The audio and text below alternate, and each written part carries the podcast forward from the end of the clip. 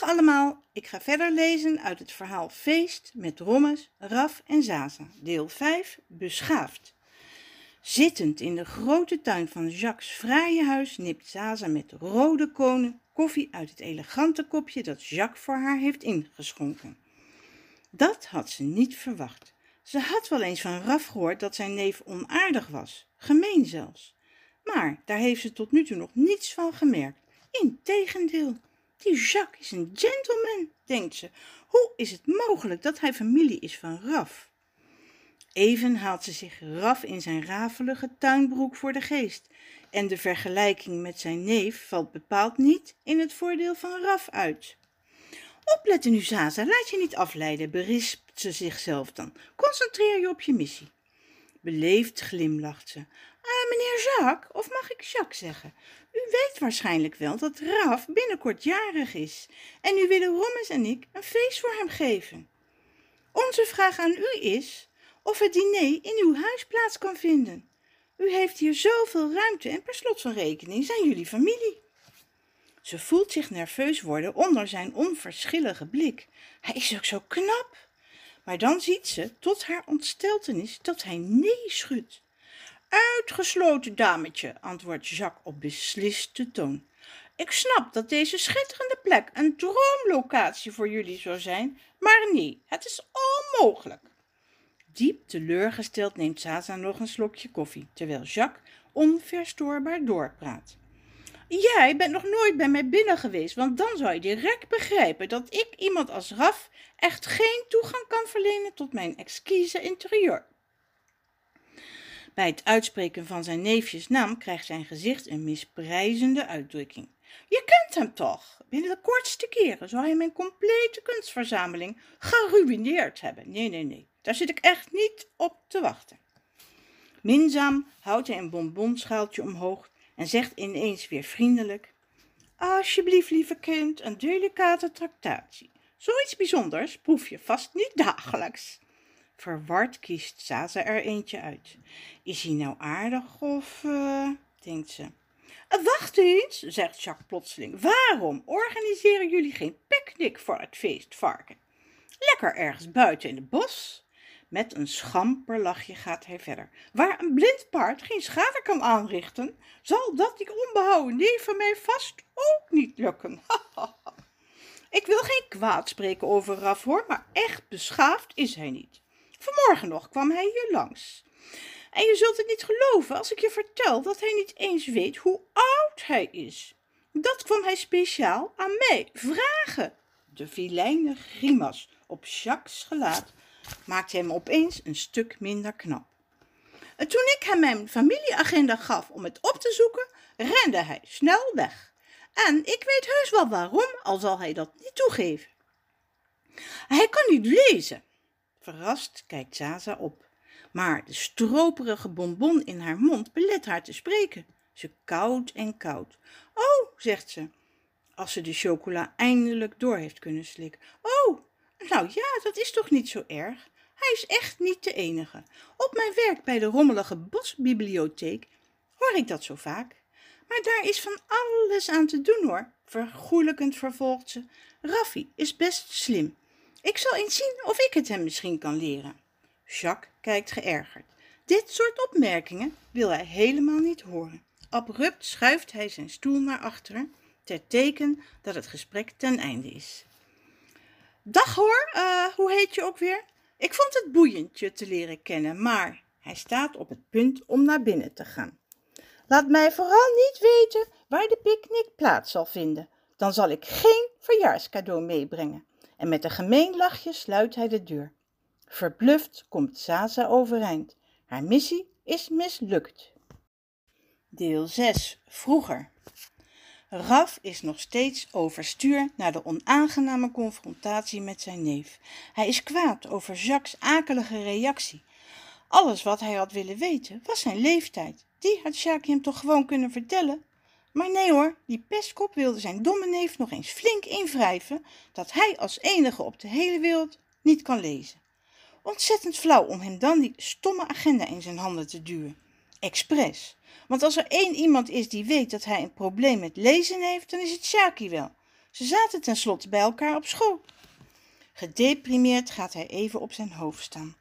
Ondersteboven probeert hij te bedenken hoe dat probleem ook weer genoemd werd. Er was een naam voor, een moeilijk woord. Het begint met de D, D, iets, iets met Z. Tevergeefs probeert hij op het woord te komen. Hij weet in ieder geval wel dat het betekent dat je niet zo makkelijk kan leren lezen als alle anderen. Dat je dan extra lessen moet hebben om het op de een of andere speciale manier onder de knie te krijgen. Maar ik heb die lessen nooit gehad, mompelt hij somber. Opeens krijgt hij een idee. Ik ga naar Rommes. En weer opgewekt springt hij overeind. Hij weet vast een oplossing. Dan sprint hij weg als een hazewindhond achter een stukje worst. Ook Zaza is op weg naar Rommes, haar rots in de branding. Zij is zwaar teleurgesteld in de reactie van Rafs neef. Waarom deed die Jacques zo onsympathiek? Ze snapt het gewoon niet. Ach, ik had het je eigenlijk van tevoren wel kunnen vertellen, Zaas, bromt Rommes als hem op de hoogte brengt.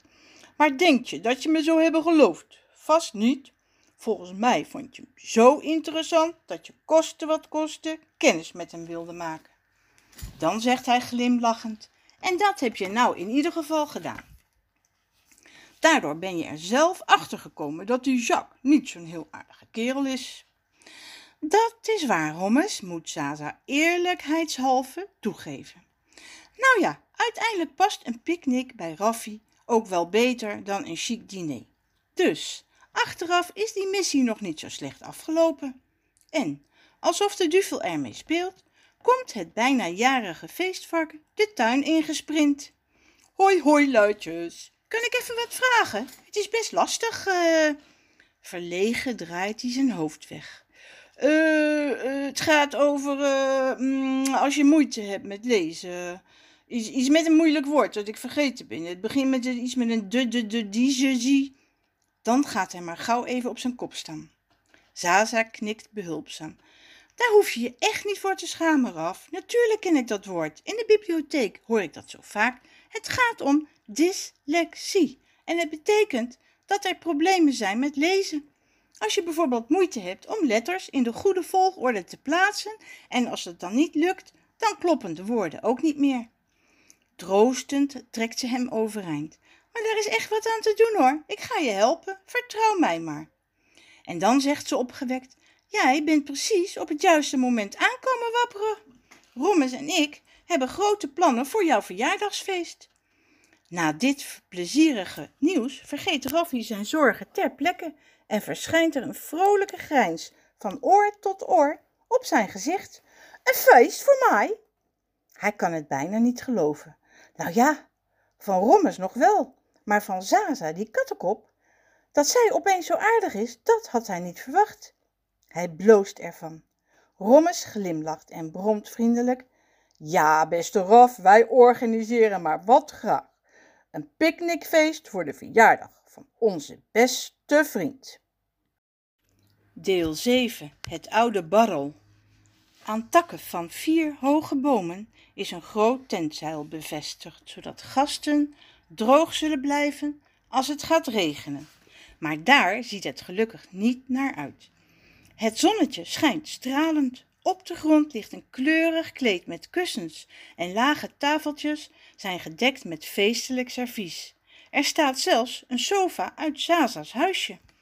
Heerlijke komkommersandwiches, wortels, noten, kaas, appels, kersen en nog meer lekkernijen liggen op bordjes klaar om opgegeten te worden. Vlierbessenlimonade sprankelt in doorzichtige karaffen en vrolijke ballonnen wiegen zachtjes in het briesje. Op de met slingers versierde verjaardagsstoel wipt Raf druk heen en weer. Wanneer begint mijn feestje nou? roept hij ongeduldig. Al minstens tien keer heeft hij die vraag gesteld. Hij kan gewoon niet langer wachten. En steeds krijgt hij hetzelfde antwoord van Rommes. Nog even geduld, Raf, het duurt niet lang meer, ze komen echt zo. Rommes vult de bekertjes alvast met limonade en Zaza zet een enorme taart neer. Oh, wat een jovele zoals, roept Raffi verrukt. Bananentaart, mijn lievelingstaart. Oh, wat heb ik een trek. Opgewonden springt hij op en neer om te kijken of er nou eindelijk eens iemand aankomt. En ja hoor, vanuit de verte nadert er iets. Zou dat een gast zijn? Raf houdt zijn hand boven zijn ogen om beter te kunnen zien. Na een tijdje wordt het duidelijker. Nee maar, roept hij, het is mijn neef. Die had ik niet verwacht. Wat sleept die nou mee?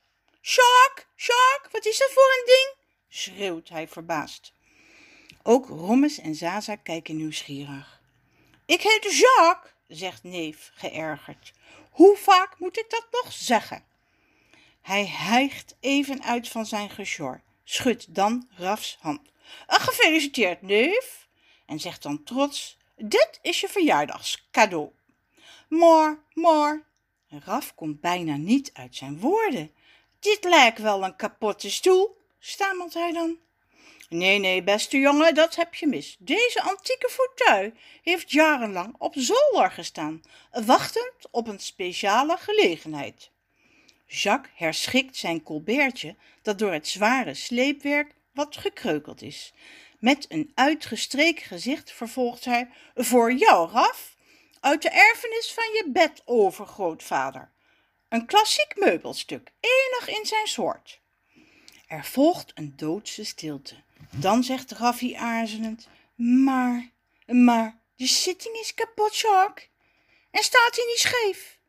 Het lijkt wel of dat pootje los zit. Dat verbeeld je je maar, Raf, zegt Jacques en hij schudt zijn hoofd. Let op, dan zal je eens zien wat een geweldig meubel dit is. Trots neemt hij plaats in de oude stoel, die het krakend begeeft, waardoor Jacques onzacht op de grond belandt. Raffi proest het uit en ook Zaza en Rommes kunnen hun lachen niet inhouden. Beledig krabbelt Jacques overeind. Hij snauwt, dit is een erfstuk hoor, maar dat kunnen jullie blijkbaar niet waarderen. Jawel, jawel, haast Rommes zich Jacques te kalmeren. Een prachtstoel, echt waar. En dat pootje repareer ik wel. Ja, ja, daar is Rommes heel goed in hoor, Jacques, valt Zaza bij. En neem een slokje van die heerlijke kruidenthee, voor de schrik. Ja, Jacques, zegt Raf, dat is hele gezonde thee. Gaan we dan nu taart eten?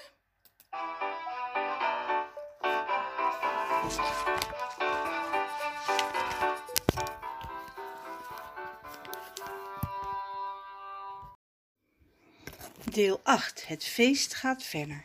Net als Raf zich niet langer kan bedwingen en stiekem zijn vinger in de romige taart wil steken, horen ze buiten opzwepende muziek en woest handgeklap. Van achter een wuivende waaier verschijnt het gezicht van Pepita la Ardilia in de tentopening. In haar zwierige stippenjurk danst een echte flamengo, waarbij de hakken van haar schoentjes een klikkend geluid maken. Met open mond kijken de anderen toe als achter Pepita ook Lodewijk Bok opduikt, die haar met zijn gitaar ritmisch begeleidt. Hij ziet er vrolijker uit dan anders en lijkt helemaal op te gaan in zijn spel. Blijkbaar hebben hij en Pepita vrede gesloten. Wat knap van je, Lodewijk, roept Zaza. Ik wist niet dat je ook nog muzikant was. Neef Jacques is eveneens onder de indruk. Niet zozeer van Lodewijk, maar wel van Pepita. Zo'n gracieuze verschijning heeft hij nog nooit gezien. Pepita weet hoe ze aandacht moet trekken. En als na een paar wervelende pirouettes de laatste klanken langzaam wegsterven, maakt ze een dramatische knieval vlak voor Raffi. Felicitaciones, querido Rafaelo de Mono, lispelt ze, waarna ze hem omhelst. Deze dans was voor jou, muchacho, voor jouw verjaardag. Innig kust ze hem op zijn wang. Raf krijgt er een kleur van. Verbouwereerd wrijft hij met zijn hand over de plek waar Pepita's lippenstift een afdruk heeft achtergelaten. Hij kent die taal helemaal niet en gezoend wordt hij ook niet zo vaak. Ontstemd kijkt Zaza toe. Wat een aanstelster, denkt ze, met haar Raffaello. En wat komt die Tula hier eigenlijk doen? Waarom dringt ze zich zo op aan Raf? Moet ze hem echt zo overdreven zoenen? Kribbig draait ze zich om en loopt naar de tafel waar de verjaardagstaart al klaar staat. Zij zal wel eens laten zien wie hier de leiding heeft. Ze tikt met haar ring tegen een glas en spreekt duidelijk articulerend. Lieve gasten allemaal. Nieuwsgierig kijkt iedereen haar aan, maar vooral lieve Raf, dierbare vriend. Een beetje nerveus is ze wel. Voordat we taart gaan eten, gaan we eerst de cadeaus geven. Hier is het mijne. Blozend geeft ze Raf een paarse envelop met een grote strik eromheen. Dank je, een envelop met een strik, zegt Raf onzeker. Uh, aardig van je, zoals. Maar wat moet ik ermee? Openmaken natuurlijk, lacht Zaza. Oh, zegt Raf, Natu natuurlijk, maar uh, hoe dan? Ongeduldig trekt Zaza de strik los. Zo natuurlijk, zegt ze. Terwijl ze een kaart uit de envelop haalt en de tekst die daarop staat hardop begint voor te lezen. Beste Raf, gefeliciteerd met je verjaardag. Dit is een tegoedbon voor een snelcursus lezen op verschillende locaties in de vrije natuur met gratis lunch en kruidenthee, aangeboden door je vriendin Zaza. Raf voelt zich wat ongemakkelijk nu Zaza de anderen zomaar op de hoogte gebracht heeft van zijn leesprobleem. Maar wanneer die zegt dat zij precies weet hoe ze hem daarmee kan helpen, begint hij toch te glunderen. Nooit had hij verwacht dat Zaza zoveel moeite voor hem zou willen doen. En al helemaal niet dat zij zich een vriendin van hem zou noemen. Hij dacht altijd dat ze hem alleen maar lastig en dom vond. Tot groot vermaak van alle gasten gaat hij van blijdschap even op zijn hoofd staan. Dan kucht Rommes ten teken dat ook hij nog iets te zeggen heeft. Ahem, van harte proficiat, Raf. Ik heb iets voor je laten maken door Lodewijk. Hij draait zich om naar Lodewijk Bok en zegt: Laat maar zien, Lodewijk. En dan moet Raf van ontroering een traantje wegpinken, want wat Lodewijk gemaakt heeft, is wel heel bijzonder. Een prachtig schilderij van Raf en Rommes met Zaza in hun midden. En terwijl Zaza stukken taart aan de gasten uitdeelt, en Rommes de glazen met vlierbessenlimonade bijvult, neemt Raf glunderend een hap van zijn taart. Hij is gelukkig. Dit is het einde.